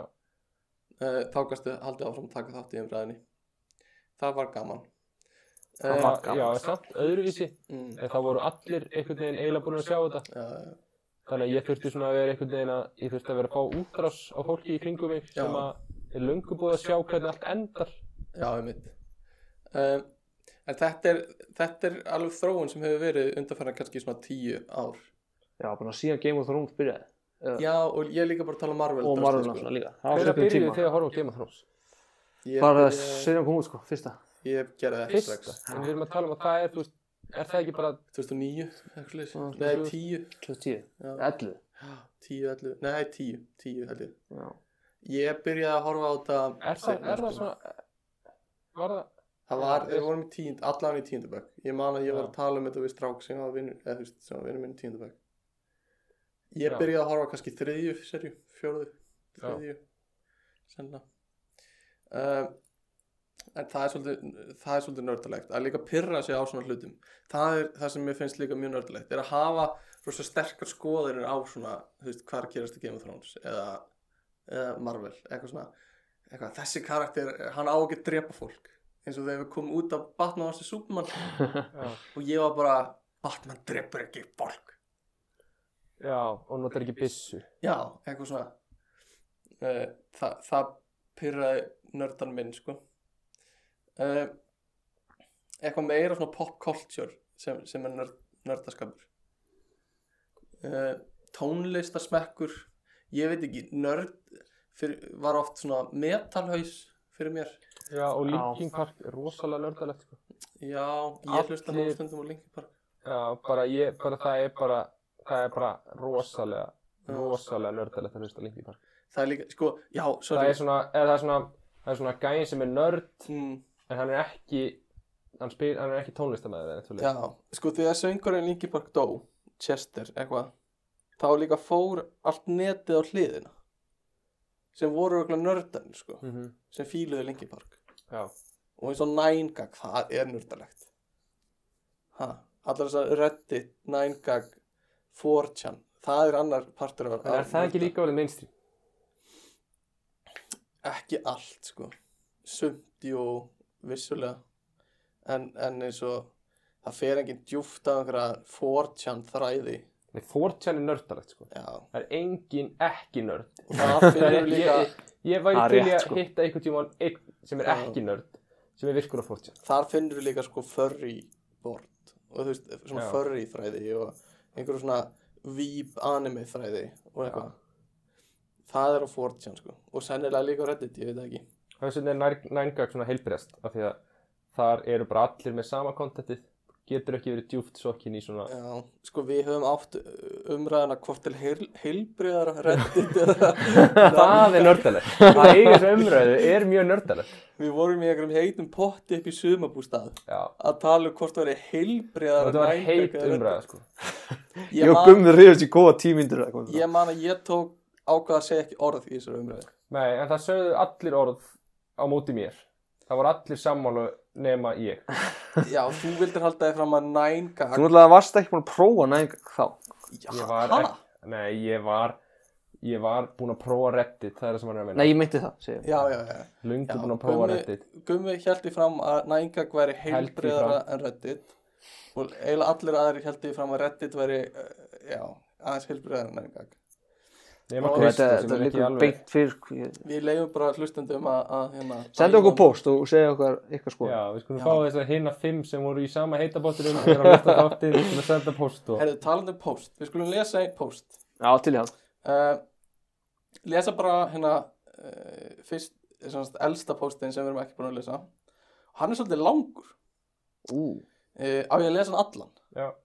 ok uh, þetta, hann hljó, hljóðar svona hæ hæ, Tómas heiti ég og er mikill aðdáðandi þáttana búin að hlusta í hörgla og vildi einmitt skjóta inn því sem þið voruð uh, aðeins að byggja um Uh, must see þáttur á Netflix hann er sem að, að tala um þriðið þáttin okkar þegar við tölum Já. um sjónvarstætti og eitthvað já, Uh, Netflix er Mindhunter sem eru tvær serjur, ég er sammála því Mindhunter eru frábæri þættir um, um hérna fólki sem eru svona að byrja að rannsaka uh, raðmórðingja í bandaríkjunum við áttir þú ekki eftir að horfa á þegar við vorum í þættinu uh, ég- Nei, ég held ekki, ég held ég hafa búin Það að er bara nýlega búin að horfa á það. Já, ég horfði á það í lok á, eh, september Það eru mjög góð þættir uh, e, Má sjá Tíu þættir hver svo það Já, tíu þættir hver svo það er einfalt að horfa og tekur ekki mikinn tíma en rosa góðir uh, Svo kemur hann með á lýsir sögutræðinum í þessu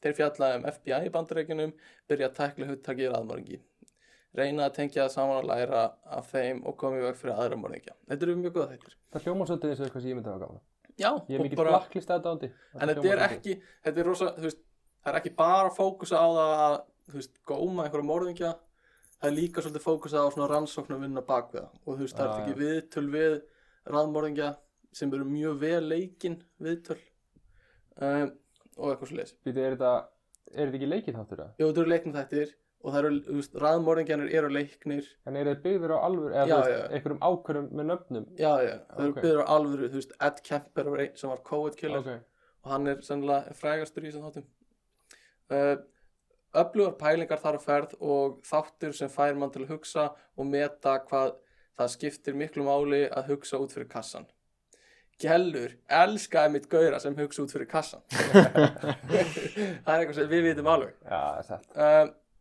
svo segir hann meira í, í, í þessum anda undir trénu er rosalega íslensk mynd uh, sem fjallar um einfaldar nákvæmna erjur sem svo fer allt í fjandans hann mælir hygglust með henni og þá kom hann á óvart og hún situr ennþá ofalega í huga hans þá þessi tvö ár síðan hún kom út eru tvö ár síðan hún kom út Mm. Mhm. ákomið fannst vera stittar síðan Jaha.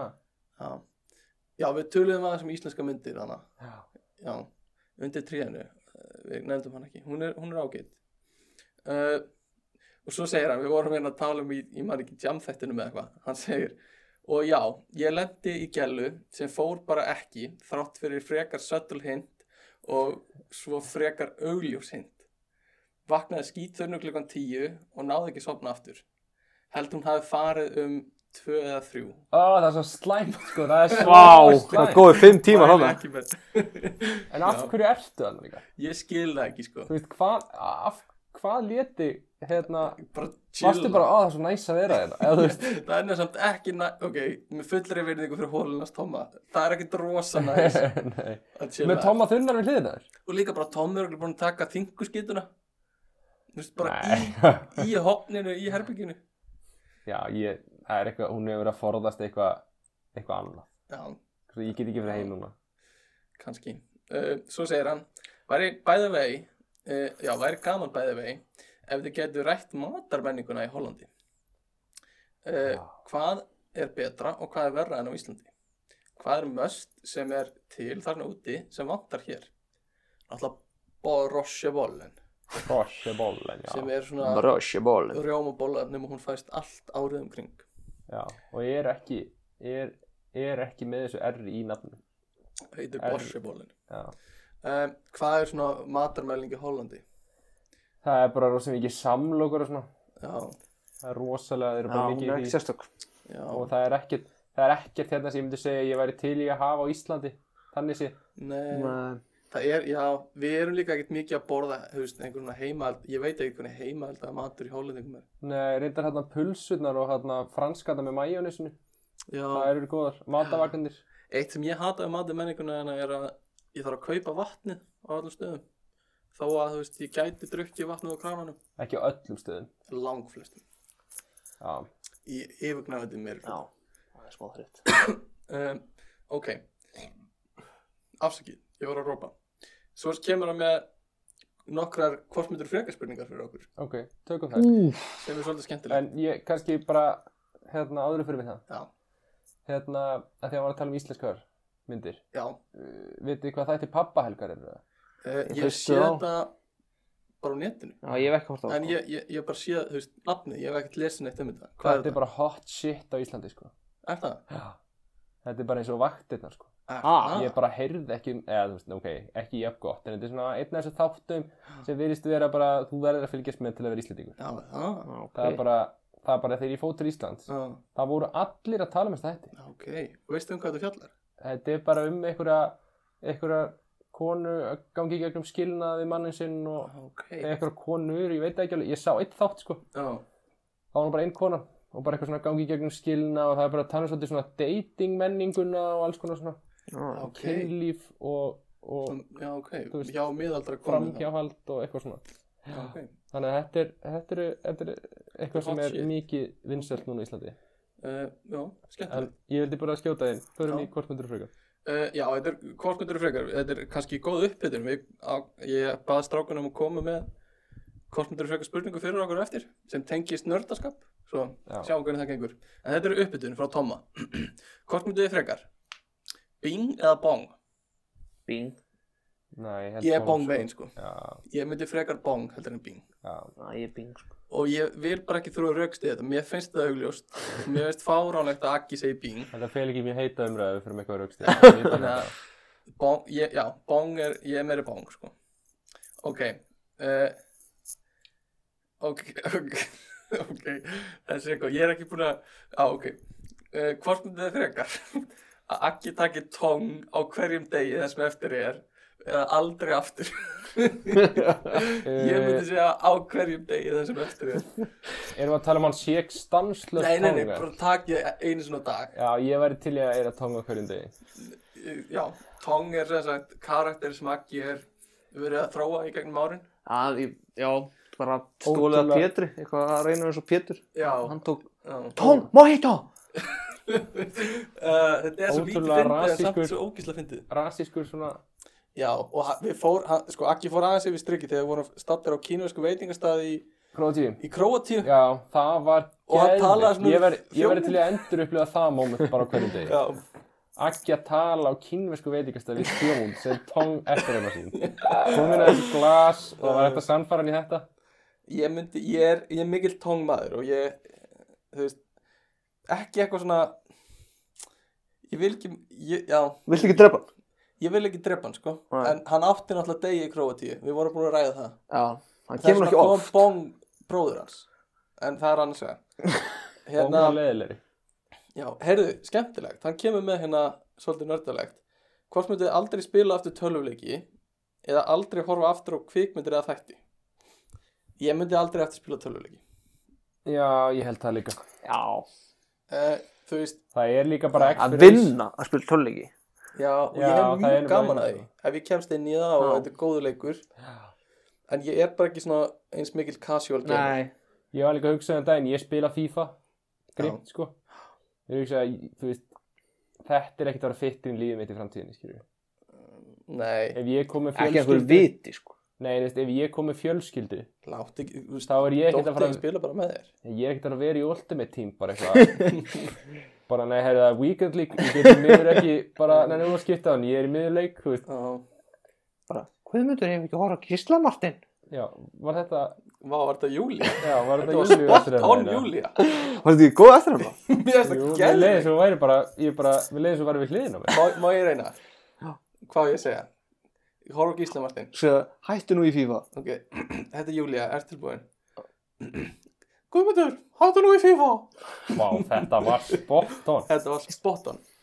Er þið til í að gera svona góða nótt tape fyrir mig? Neður eftir henni Guðmundur minn, sláðu nú vært. Þetta er alveg svo hún myndi segja þetta Ég veit það. Góða nótt gummi Þetta er bara ég Leð eftir ræðin þín Þú ert kærasti Akkur þetta dansa með þessu og ég er kærasta Svona dúa Þú ert kærastinn Við erum kærastu par Ok, þetta var bara, þetta var sko Þetta var óþægilega líkt henni Allavega Hvort myndur við Guðmundur Já. Ég veit, ég held ég veit í svari við þessu En allavega Hvort myndu drekka Já, aldrei drekka aftur bland Eða aldrei drekka aftur bjór uh, Ég myndi aldrei drekka aftur bland Já, ég, klálega. sko, ég myndi mögulega gera þetta öfugt sko. Það það? Já, ég, ég myndi með kannski í framtíðinu verði ég meiri svona GOT maður Já, ég bara tek gin alltaf dræ sko Það uh, er ekkert bland Já, en ég veit ekki, ég hef, þú veist, mér finnst bjór fín Allt er lagi, Já.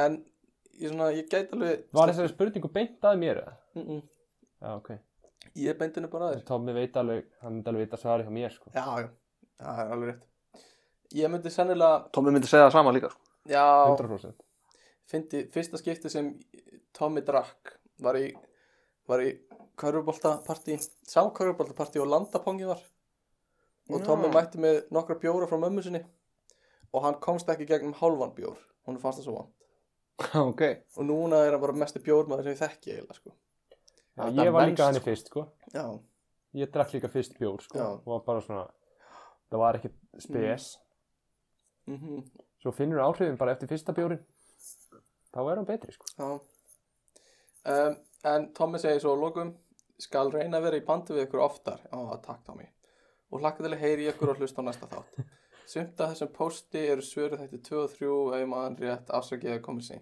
Tómas, bara allt í lagi Bara takk fyrir að senda póst Já, virkilega gaman að fá að lesa Já, post það er bara fyrir, fyrir öllu uh, Þetta var hérna uh, semast, fyrsti póstur sem við getum farið yfir uh, Sko En þátturinn snýst um, um nörda Já. Hver er svona mesti high profile nördi í samfélaginu? High profile Mm. Hmm. Eh, uh, Mér dettur í hug Einhver svona Íslendingar Hugleikur Dagsson er svolítið svona Eh, nörd Hulli er já, mikill nördi hann er rosalega Já Og hann er öruglega, hann hefur öruglega einhvern tíma hlusta á einhvern metal Já, Og hann er svona lúðanördi Það er Já. líka svona önnu típa nördan já lúðanördar sem eru Og er að skoða eitthvað ógisla sikk í tölunum sinni líka já, ok, örgulega þú veist, Eða eitthvað svona já, já, eitthvað sem hún finnst bara fyndið já Eitthvað sem hann sér svona á deep web Mm. mm. mm, sko, hu- sko bækunar hjá hugleiki dagsinni voru bara það finnasta sem ég bara hafi séð þegar ég sá þar fyrst sem var kannski í nýjönda bekk, áttunda bekk mm.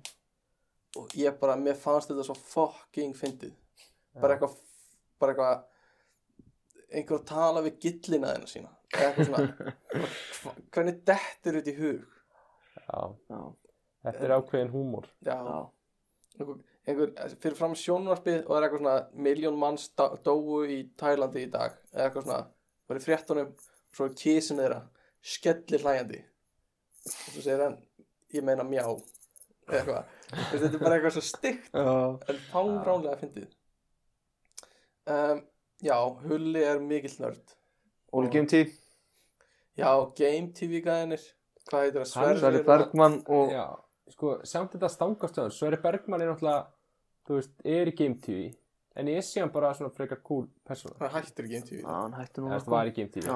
þegar Game TV Já. var Game TV Nú er Já. þetta bara eitthvað Facebook þáttur eða eitthvað já, ég veit en, og Óli Jó hann er síðan bara, þú veist, hann er bara þjálfari á Dale Carney Já. og er bara svona freka bara svona eitthvað svona í þeim pælingum, mm þannig að þeir einhvern veginn passa alls ekki inn í svona já, bara svona án þess að þú segir mér áhugamálin já, utan að þér já Já, klálega sko Já. Sko uh, svona viðkvæmur aldur eru svona, svona 8. til 10. bekkur já, þar var ég upp á mitt nörda leðasta held ég já. uh, og var þú veist með hennar Rubik's Cube og en eitthvað var, svona. var það samt ekki cool þá eða? var það ekki mainstream þá eða? Nei, ég Því held okkur ekki var Rubik's Cube bara mainstream í tíundabæk, Já. eða nýjundabæk Já, Ég man það var bara- þetta bara svona voru allir í Já.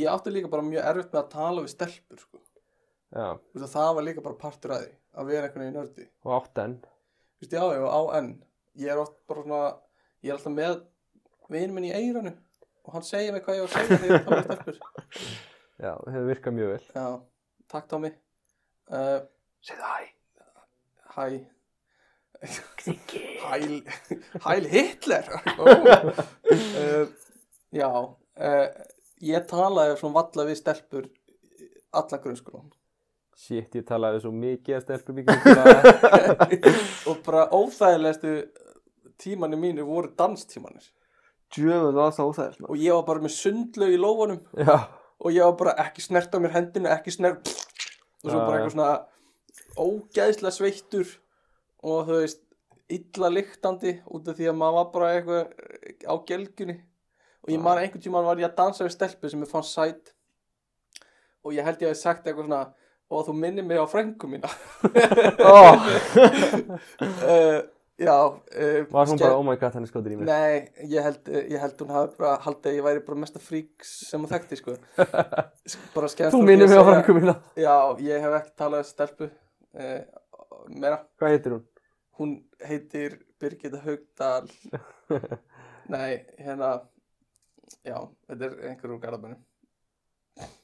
Um, já, þetta var, ég var ekki, kannski sjarmur nei, í grunnskóla. nei, Hún var ég svona meina, nörd. f- fannst ekki öllum óþæld að tala við stelpur, bara svona, þroskast það ekki bara einhvern tíman á fólki Jú, bara, Jú, jú, bara klálega. mjög fljótlega eftir að ég byrjaði mentaskóla var ég einhvern veginn svona neittur í það. já, Þá ég, einhvern veginn bara lærði maður að stelpur eru bara alveg eins og við. já, mögnuð ykkur til Þetta- þetta er nefnilega mjög mjög gutin, þau er ekki, þetta er ekki einhverja geimverur, skilur við. mér leið bara eins og ef ég segði eitthvað fyndið Mm, þá var ég bara, allt góð. það var eina sem ég held mig gangandi Já, ég bara, bara ég gæti talað við stelpu svo lengi sem ég gæti sagt eitthvað fyndi í hver einasta skipti sem ég sagði eitthvað mm, annars bara, bara vissi ég ekkert hvað þetta já. segja Þá fæði maður í kaltæni, sko. Kaltæni er svo gott. Það er Chandlerinn Já, það er svo gott eitthvað svona fallback comedy, Já. skilur við. Mm. Uh, þetta er já. líka, uh, rokkaði ég kalt hann ég Já, rokkar áður en ég hætti því Ég var líka rosa mikið, ég man, lúkki mitt í grunnskóla var svolítið að vera í hettupeysu og svo var að bre, búin að bretta ermanar alveg upp. já. Og ég hef nú síðið stundum í Já, því að og núti ég góma oft sjálf með það að gera það. Ég meina, og- En stundum er bara þægilega að vera ekki með ermanar svona fyrir. já. En þetta var svona alveg lúk í grunnskóla, sko. ég vann svolítið með Justin Bieber lúki hann var alltaf í Hárið svona þá. hárið og líka hann var alltaf í svona lit, lit, litrikum Já, hettupeysum já, sem að voru sko. reynd fjólubláðar mann ég eftir einhverju. Sko, ég man bara að ég var svolítið að vinna með það að hata Justin Bieber á þessu tímabili. Það er Vá, hvað er nefnilegt. típist þú maður Já, já, eða þú veist, ég gera það ekki lengur, þetta er bara tónlistamæður, skilur við, en það var bara eitthvað svona í samfélaginu að maður átti að finnast það pyrrandi.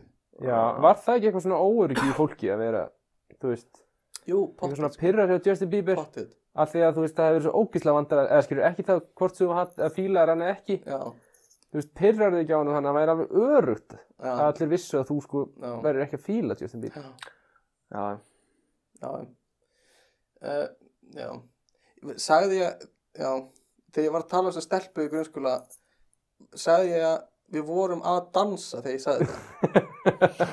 Vil ég hvort ég sagði það? Ég sem sagt, Eh, Hún þú varst var að búin halda þér um sveittu lófanum mína þegar ég sagði og- þetta. þú minnir Af mér hverju sagði sagðirðu það? að klára dansin, Sann, hvað ertu gamall þarna? Ertu Ég í hef átt verið í nýjönda bekka? Tíunda bekk Þú veist, níunda hvað ertu hvað, voru þið dans í tíð En bekk. Já, nýjöndur blessaður Eh, bíddu, Ég dansi allan og hvað var, hvað var marknið? Varstu að Ég reyna veit við ekki, hana? ég var ekki að Ég veit ekki, ég, sko í fyrsta leið bara vissi ég ekkert hvað ég átt að segja Var þetta bara svona, ég ætla að segja eitthvað? Já, basically bara ég Já, En byrju, varstu ekki, varstu ekki orðin, þú veist, varstu ekki farin að lifta og eitthvað svona? nei, þú veist Ekkert að ráði Varstu ekki sem að hotboyin og kom í MR Nei, fyrsta árið? nei, nei, nei, nei Nei, nei, nei, nei, nei, Nei, nei, nei nei, nei, nei, ég var bara Bara feitur og illa lykt- lyktandi, sko Já. uh, já en hérna já, já ég, ég var einu svona nörd uh, eins og jóngnar og er það enn herðu, uh, ef að taka næsta post Já. Tökum næsta fólk. uh, Eh, til þess er málið varðar takk fyrir góða stundir gaman að fylgjast með okkur 12 points from Sweden Nei. segir hann Mér finnst uh, þið vera að vanrækja Rosey, okkar almúans. Má ekki innlima uh, það í þáttinn. Veistu það, ég, þetta er, sko, já, Svo segir hann, barefoot er good game. Eða nei, GG. alveg hræðilegt Rósavík. Mm það er alveg og hann talar bara í stereotypunni af sjálfum sér Já. Svo segir hann, og hvað hann er bara, er, hann er búin að búa í þrjá mánu í Svíþjóð já, hann og er hann bara alltaf í núna eitthvað Eurovision já, gæi hann er bara Eurovision Eurovision maður hérna, hins vegar finnst mér sögustund senasta þátt af framúrskarandi ég veit ekki hvað það var það var kannski jam nei, Sögustund. sennilega fyrir það Hva, hvað þáttu var fyrir jam þáttunum það var kynlíf já, kynlýsþátturinn, alveg rétt hann er örgulega að tala um hann hvað sögustund er það ég manna það ekki, örgulega bara ég að segja frá þú veist, lé- lélega deytinu mínu eða eitthvað, ég manna það ekki já, kannski eitthvað annað já alveg ég er ekki alveg viss uh, hann segir hérna pröfið að blanda saman appelsínu, kampari sótavatni 5, 30, 65% eða jager bjór 20, 70% hann er semst að koma með innlegg í jamþáttin okkar já, Svo að Mm. hann hefur sannlega verið að tala um einhverju sögustund í tjáþættinu. Uh, svo segir hann hashtag work hard, play hard hashtag sjúkraþjálfun PS Býtur við? Lebáskist sökkar. hashtag sjúkra þjálfun Já, svo segir hann bestu kveðjur, ónefndur aðili og svo koma inn að sviga yngvisteinn sjúkraþjálfari nei, ég er bara orðurleis að yngvisteinn sjúkraþjálfari hafi sendt okkur post ég veist ekki að hann hefur hlustað að þáttin þetta er ekki yngvisteinn um, já, bréfið segir það Ja, við, við, við höfum enga ástæð til að ég, ég, ég Jú, gefur fulla, það heldur að yngvisteinn geti ég- neymdroppað einhverju að, rósavín já, sko, ég gef ykkur það að nafnið á póstinum semast, er, er ekki sko, er ekki yngur stein heldur einhver sem heitir Kristófer Þetta er ekki yngusteitt 69, að gemil nei, þetta er Iggy KFC ah. ah, um, pornhub ímiðlega pornhef ímjöliðas uh, já, takk fyrir þetta yngur stein, sjúkurþjálfur og sko kampari ég veit ekki hvað maður finnst það, það er svolítið beist biturt, það er svolítið svona, mi- eh, segir mér svolítið að þú ert einhver svona amma á Íslandi já Kampari var bara þegar fólk drakk bara, mm. þú veist, það var ekkert bjór Nei. nei, nei, og þú veist, já, amma, rosa mikið amma og jager bjór, er það ekki bara sóðalögt? Já, er í bjór Já, ég hef aldrei prófað það, sko. Nei, neða hljóma seðilegt sko. Það gerir það. Ég Uh, er til í að prófa það reyndar já, já, ég, ég er alveg opið fyrir að prófa það, sko. Ég er svo sem alltaf opið fyrir að prófa allt Hlakka til að fá uh, Ingolstein hingað frá Svíþjóð Já, Hann er búinn að lofa ferð já, algjörlega, og Yng- Yngvi, þú ert líka að veist að því að það er góð sjúkraþjálfuna deil tjanna sem við getum tekið skiptunum. Já, og af því að Yngvi, Yngvi býr til við góða koktela sko. Já, ymmit. Yngvi í, í Svíþjóð sko. Yngvi í Svíþjóð. Já, Já, já, já, sá Yngvi. já Yngvi Sá sem að, sá sem að sendir okkur póstinn Já, sá sem á kærustu Yngvi en ekki sá sem er alltaf að Alltaf ríða einn. og segja Já. eitthvað gæla að drulla sér heim Yngvi. Já, helgapappa Yngvi Já, ok, hérna, einmitt, sko, m- mér langar svolítið að taka svona hvort myndur frekar nefnum að tengt nördaskap Ok, okay. og ég baði ykkur um að koma með eina. Já, ég er, já, Má ég hýtt ykkur upp aðeins fyrst já, sem tengist á ekki nördaskap já. ok og ég ætla að koma með tvær og ein er bara mjög klassísk. ok. hún bara svona er að- til þess að þjálfa ykkur í því að, að taka ákvarðanir um, og ég hef spurt ykkur aðeins áður þið vitið það þess að því Já. hvort myndu þið sofa hjá mömmu ykkar í líkama kæristu eða sofa hjá kæristu ykkar sem er í líkama mömmu ykkar Mér finnst ég að svara þessar spurningu svo alveg oft. oft sko ah. en mér finnst einhvern veginn að það er aldrei konsistant svar Þetta er bara svo ógeðslega slæm spurning þetta Já. er virkilega slæm spurning sko. Ég held sko, ég held eiginlega, eiginlega hérna, frekar sofa hjá kærustinniðinni í líkama mömmuðina sko.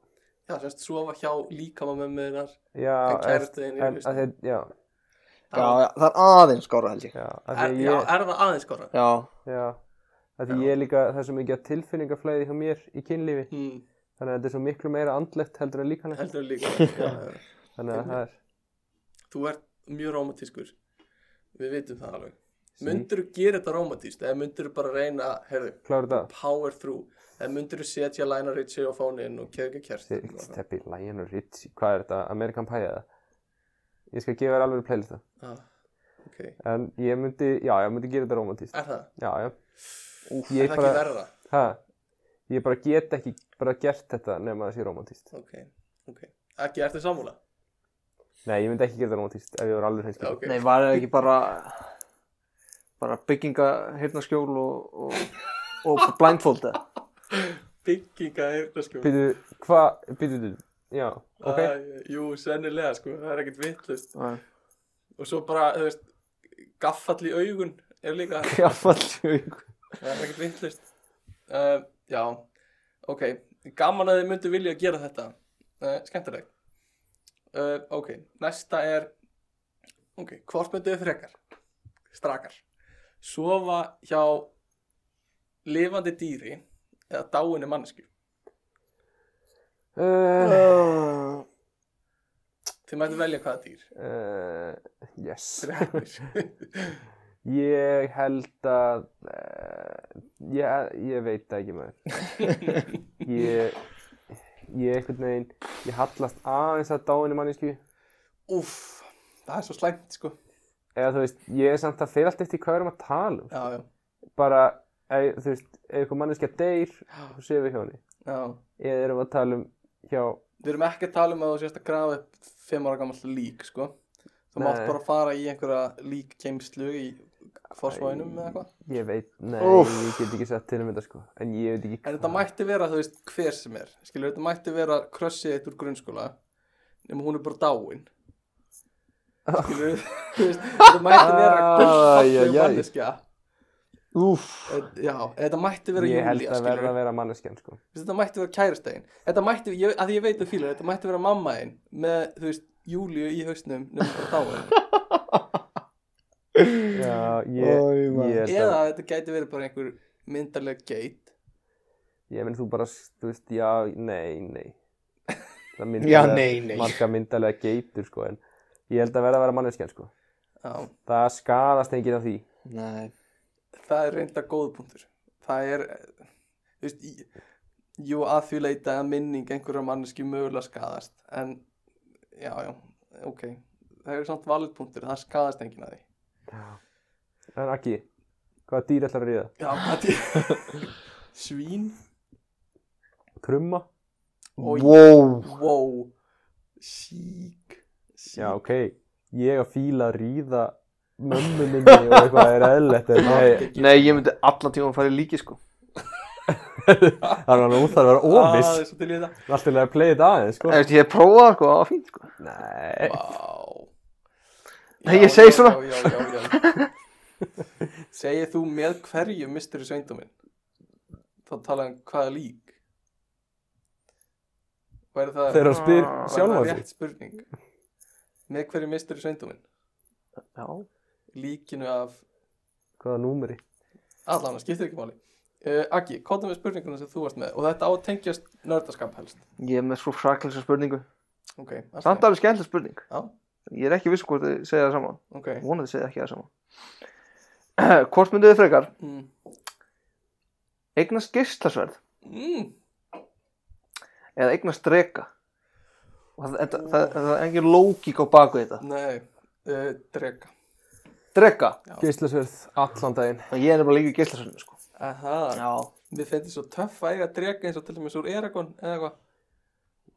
Já Áhugast þú hoppir beint í Eragon? Mér Já, finnst ég hef bara- sagt þú veist Drogon eða eitthvað Já, mér finnst bara dregan í Eragon svona, svona, svona vinalegri. Þú veist, Já, þú getur vonda held ég tala vonda við það og vinalegri, sko. eitthvað svona. Já Uh, og þú veist, já, getur svona, það er auðvöldra að vita hvað þið vilja og eitthvað. Já. En geislasverð er svo- svo fucking lett sko. Já, ég er bara svo hrættur um að ég myndi meiða mig. Af því ég er Brenna þig? gjössamlega spastiskur með svona örugla og ég myndi bara skera af mig fótinn.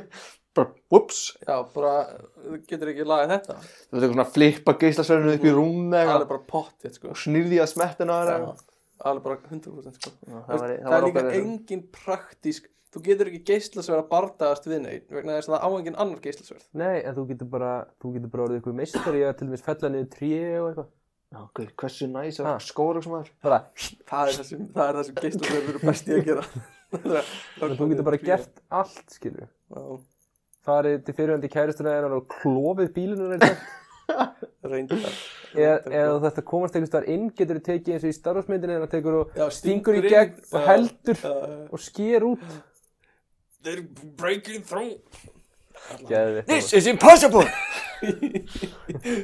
Já, Ok ok Gummi, Nei, þú, viltu halda áfram með það? nei Nei, ok. Ég er einhvern veginn, já Ég dætti einhvern veginn aðeins í meira svona kynljus spurningu Já, bara go for it Ég hérna En, en því var grútleg Takk Já. Ok, hvort myndu þið Mhm. vilja uh, vera sem sagt Iron Man Ok, að ríða Batman Iron Man, er, þú ert Iron Man ok þú ert að ríða Batman Er það með játn lim sem sagt? en þú mátt bara velja ég veit ekki hvað, hvað gerir Já, ég lim, nei, þú ert bara, ert ekki bara að tala um Er í ég, tóni er ég, starf já, er ég Tony Stark eða er ég, þú veist, bara sú í, Sko, þetta Er eru ég svona jafnaður? umræði sem eru Ha. mikilvægar þú veist, er ég Já, þeir játnmaðurinn? eru bara í búning, sko Hvernig ætla ég að ríða í Nei, Hann þú er veist, með, bara- hann getur opnað örgulega fyrir Já, þú tippið getur eða opna bara aðeins fyrir tippið Ó, Hann ok. er auðvitað með svona þröstar á rassinu líka sem svona hjálpar þér Já, hvort myndu vilja það? Þú ert, nei, þú mátt ekki vera með játtippið, það er eitthvað svo ópersónlegt Ok, Það er bara að opna skilur í Já. klófinu Bara opnar í klófinu Já, Eða vera, hérna, sem sagt vera kaftin, nei, vera Wonder Woman mm. og hérna gæin hérna, hvað heitir hann? Blái, massaði, heimski blái hmm heitir hann í Guardians of the Galaxy Já, hann er svona grár, Hann er- drags hann er Drax. Drax og hann er að ríða ykkur Ok Ég myndi velja hitt, sko er það, þú bara væri til að taka Batman í rassin Já Frekar en að Já. ég held það en er, er, það, er það Drax eða? Ha? Er, er Drax vandamáli eða? mm, Ef ég myndi skipta Hann því er ekkert að hjálpa, skilur við Nei, ok, en, en ef þetta væri bara þú veist, þetta væri bara Iron Man og þú ert Nei, já þú ert ennþá frekar í að vilja vera sá sem er með tippið Já, og ég veit, sko Já, ég held ég myndi frekar er það? Já, fæ ég ekki velja líka hvað Batman þetta er? Hvaða Batman? Nei, þetta er George Clooney Já, ok, George Clooney er ágæður Ég veit það Nei, ég ekki ætla að breyta, Ó, þetta er Van Kilmer hann er eh, kannski sísti Batmanin en allt í lagi Þú veist Ég veit ekki mig Eða langar hérna ekkert Robert að- Pattinson Ha, Robert Pattinson Hann er myndalegur Já, já, en þú veist Mér langar ekkert að einhver sé að ríða mér Þó að, þó að sé Robert Downey já, Jr. þó að sé Robert Downey Jr. En að veri Chris Hemsworth Nei, Ok, en þetta er bara svona, þetta er bara algjörlega striktli bara kona kall og kall kall. já, örglega En þú veist, En Ég ætla ekki að vera, ég er bara svona aðeins að fá svona meiri, já. meiri útskýringu en Ég En- veit það ekki, þú veist kannski ef ég myndi eigða löngu tími í að hugsa um þetta myndi ég komast að hinni niðurstöðinni en ok. svona já, já, Það var það fyrsta mjög já hugsaði var- svona var hitt, fyrst, sko. first glance myndi ég segja hitt sko. Það er Eh, Batman. Það er nú, það er nú ekkert langt frá ykkur svona fettis og þér eða ekki. Shhh, grekt hún það ég veit samt sko þú veist, það er alveg áhugavert að vita hvernig hitt kynið upplifir kynlíf og ég veit að þú Finnst þér Gunni, það? hefur hugsað um það og, Já, við erum að reyna að skella þess á mér núna. nei, nei, og þú veist, ég hugsaði að hafi bara rosa margir hugsað um það bara svona hvernig ætlaði að sé svo það er alveg áhugavert Þann, þannig að það sem gæti komið út úr hinu væri að maður myndi finna út hvernig hitt kynið stundaði uppliði kynlíf skilur sem er áhugavert Já. og er plús skilur. það er plús í klattan fyrir það að vera Wonder Woman Já. en, en sko burt sér frá því þá er náttúrulega fáránlegt að segja Wonder Woman sé að sofa hjá Tony Stark út af því þetta er í tveimur mismunandi Mm. ofrítju heimum True svo ég bara get ekki tekið marka á þessu spurningu Býtu, en, eh, býtu, en að Iron Man og Batman, er það leifilegt?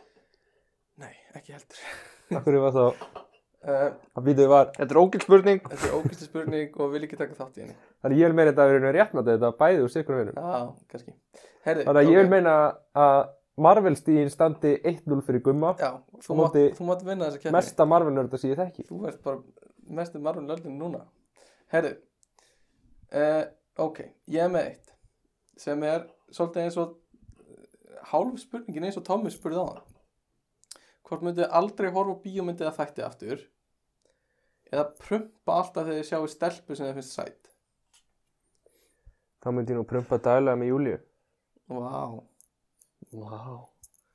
gaman að myndi hlusta á þetta en hún er auðvitað búin að slökka Já, hlustar hún á einhverja þætti Hún hlusta á einn eða eitthvað Hætt hún ekki að hlusta jú Svolítið leiðilegt sérstaklega maður er einhvern veginn að fleia gullhamrum hérna Já, ég veit að kærast að mín hlustar á alla ok 1-0 greinlega það En já, hvað segi ég? Þannig að þú veist bara um leiðu sjáustelpu þá kemur alveg bara svona prump sem heyrist Já, ég myndi taka hitt sko Aldrei horfa á bíómyndir um Já. er þetta grínast eða Nei. getur ekki tekið á eitt lítið prump þú Herri, sést Þú búin að föstu það lengi, þú kannski áttar ekki að þig sko En það væri mjög slæmt Þannig að þú veist, já, þetta er Og erfitt Bara hætt já en svo ok já ok hvernig það er atbyrður rossi þá prumpar ekki Hæ, hún er bara ah, En er Ah, getur, Þetta við heim og horfum á Netflix og þú bara Nei En getur ekki já bækur Getur ekki reynd að vinna með þetta Getur ekki reynd að breyta mínus í plus Bara með því að gera þetta að einhverjum æsbreykir Til dæmis Bara já, eitthvað svona hæ Og eitthvað svona Ég ve- bara er að opna mig fyrir þér Eða eitthvað skilur Új Új Eða eitthvað skilur bara nota þetta Þú veist, já Uh, Það Sálin- væri erfitt maður Sáli mín er að reyna að flýja Ég hef bara verið alltaf með buttplug og svo skýst hann út þegar þú prumpar Nei, já það gefur svona ding ding, Hvernig, býtu Getur við fengið aftur hljóðið þegar ding já en já, ég veit ekki hvernig ég hugsa að þetta sé alveg geranlegt sko myndið þú gummi prumpa í hvers skitt sem þú Já, sagði ég myndi en það væri ekki óþægilegt að við værum í júliu ég veit ekki segjum á þjóðutíð eða eitthvað bla Já og þú ert bara síprumpaði Uh, Eða- já, veit hún af þessu líka uh, Ertu að meina þú, að þetta veist, sé það eitthvað væri- svona þú þyrtir að útskýra þetta vænt- býst ég við Ertu að meina að þetta væri svona væri óþægild að því ég væri alltaf að prumpa og Júlia væri bara "Guð, mér er það grínast eða Já, já, basically þannig Já Finnst þið það ekkert óþægilegt? Að ég meina hvað, þú veist, horfir ekki á kvikmyndir og þætti aftur Já, það væri líka, ef þú væri að horfa á bíómyndir með Júli og þú væri bara Mega Fox Já, eitthvað svona. hvað, ég meina, ég get líka alveg sagt bara, hún er myndaleg, skilju. Já, já, ég er ekki að segja það En, en, en eða þú ert í fjölskyldubóði og einhver frænkana kemur og þú bara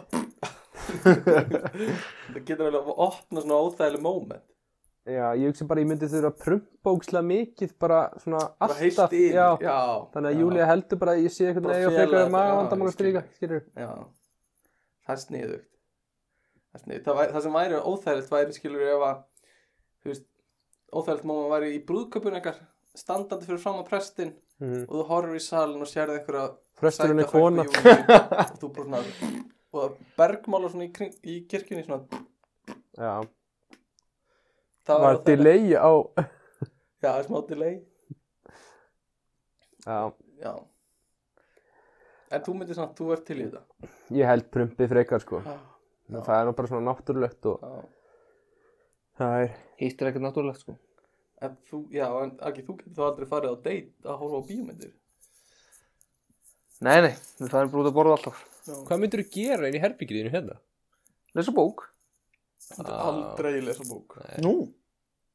Ég bara, ég hef enga trúið Ertu með bók hérna? Nei Þú veist, Hvað- það væri basically að lesa bæklingana sem við fengum frá hótelinu Djúvillar það nært maður Eða innhaldslýsingar Eh, á kossu Já, eða Terms and Service á öllum samskiptavelið svolítið. Nei, Terms and Service, heitir það ekki? Privacy Policy. Jó, örugglega, mér er svona er alveg Tökum þá umræðu í næsta þetti. sama, reyla alveg sama hvað það heitir Herðu, allavega, hérna síðasti pósturinn og svo fyrir við að slúta þessu Sem Hann- sé ykkur frægur. Já, hann er með hérna hann er greinilega með svona sjálfskrafa undirskrift á pósturinn sinu Vá, það er... Það er svolítið nörd, það er svolítið nördulegt Nei, það er svolítið alfa. Er það? Það er svolítið alfa Mér finnst sko það smá Ég veit að Nörd myndi aldrei sko pæla í þessu sko. Nei, hann myndi ekki vera að Nei. pæla í að peri svona, hann var bara eitthvað kveðja híðin Já. Ég sé svolítið eftir að hafa sagt að þetta sé nördalegt af því ég veit að kærasta mín á eftir að vera pyrruð sko. Já, Þegar hún er mjög stolt af undirskriftinu og póstunum sínum. já Ég þóli ger fólk um undirskrift Mér finnst það bara svo, mér finnst það bara svo ópersónlegt og bara okkur tekur ekki tími að segja Það kveðja skrifa sjálfur. Kær kveðja, Já. skilur Já. Eitthvað svona automatist eitthvað Því skilja kannski fyrirtæki og svo þetta vera með alveg bull upplýsingar eitthvað Já. svona En mér finnst það svona ópersónlegt Já. og eitthvað svona Og ég er að svara svo mörgum, ég hef ekki tíma í að Já. skrifa kær kveðja til þín Já, ég veit ekki, mér Segir þú alltaf, kær hvað þetta er þín, gummi Kær hvað þetta er þín.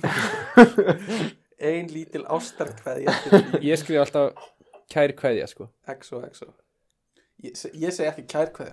Ég segi bestu kveðju frekar. Æ, ég segir líka bestu Mér finnst kærkveðja of mikið eitthvað svona Svona- aðeins svolítið jólakort. personal. Já, jólakort, dæmi eitthvað Ég myndi líka segja bara kveðja áður en segja kærkveðja komið mér finnst það fáránlegt það er kannski þess vegna sem við fengum aldrei svar frá verkfræðifélaginu Já hann hefur bara þetta samband er að fara alltaf hratt það fyrir virkar þetta gegnum fyrsta þreip því að hún gaf mér áframsendingu á framkvæmtastjóran já, ok en hann hefur greinilega ekki fílað þetta mm. hann hefur haldið að þú verður að fara all, alltaf hratt með þetta samband fyrir en best regards, það er cool já eftir íslenskan tölvupósta enda á bestrigards sækjum starf Jóni, ég slá slakka til starfi. að sjá ykkur um jólin Vestrikard Herðu, Alexander Alexander nokkur sendir okkur post hann segir því Isaac, Isaac, við Isaac eins og við köllum hann hann segir, tvær hendur upp í loft sem því er tvö skot að steppa og vídeo af því í miðjum þætti wow, vídeo og Spotify maður sko, ég get alveg tekið eitt skot af þessu brennivíni en það verður aldrei í miðjum þætti af því þáttur hann er að klár það er á hillunni, hvað hillu? Þannig? hvítu Já, ah, já Vil ég taka þetta upp eða? ekki, Þú verður að senda á hann þá Hvað séum við? en, en Alexander let ekki staðinu við hana vegna þess að hann sendi okkur annan post og uh, sápostur fjallar um jamþáttin okkar og hann svona, mér finnst eins og hann sé svona reyður þegar hann sendir hann uh, að því hann sendir sko hann vildi vera með í umræðinni Já, hann vildi vera meður en hann sendir sko Vodki Korskin korfa varsins reikavodki er ekki samanbyrðarhæft Hvað passar vel saman? Já, hann er kannski hættur að vera reyður hana Allan Hvað passar vel saman? hvað passar vel saman? Passar vel saman? Hann segir, hvað passar Hvað hva passar vel saman? Hvað hva passar vel saman? Og, og átnið þess Og ánæður uh, Hann segir, hvað passar vel saman? Hann segir, Nei, vatn er þetta bara sem bubbi? Ok, blessaði strákur okkur alltaf það stendur bóðið ekkert strákur í hérna. postinu Blessaði strákur Ég sé ekki um eitthvað Hvað passa vel saman? Vatn pluss Bacardi Rass Hann semst að vera að segja okkur að vatn og Bacardi Rass er góð blanda Það er góð blanda Sem er alveg, já, sem er alveg skiljanlegt Það er ágætt blanda uh, Herru, ég ætla að taka þetta skot af brennivíni Og uh, uh, ég vona að fólk hafi notið myndarna sem ég photoshopaði fyrir síðasta cover Sem ég setti brennivíni í hendunar á stu... Hvað er það? Stubbólum Herru, hér, here we go settuðu brenni í Drektu kaffi vel og þetta er svo æðislegt Var það ekki aðeinslegt? Þetta er, þetta er svo viðbjóðslega, þetta er bara svo gott fyrir stöðkerfið Já. og þetta er bara svo jónar jafnari svo þægilega að ég veit það ekki, mér er þetta alltaf, ég get ekki annað. Hann rétti pent tvisvar. Það var engin annað sem rétti penti, mér finnst mjög leðilegt að heyra því. Hérna, Sælar Það er- Gummi, það er bara, það er bara stratum já, bara það strátum er og stratum stragana. sko það veit allir hvað, hvernig steppi haga sig eftir tvö brennir Eh, sko. Já, en eitthvað meira sem þið viljið tala um nördalegt.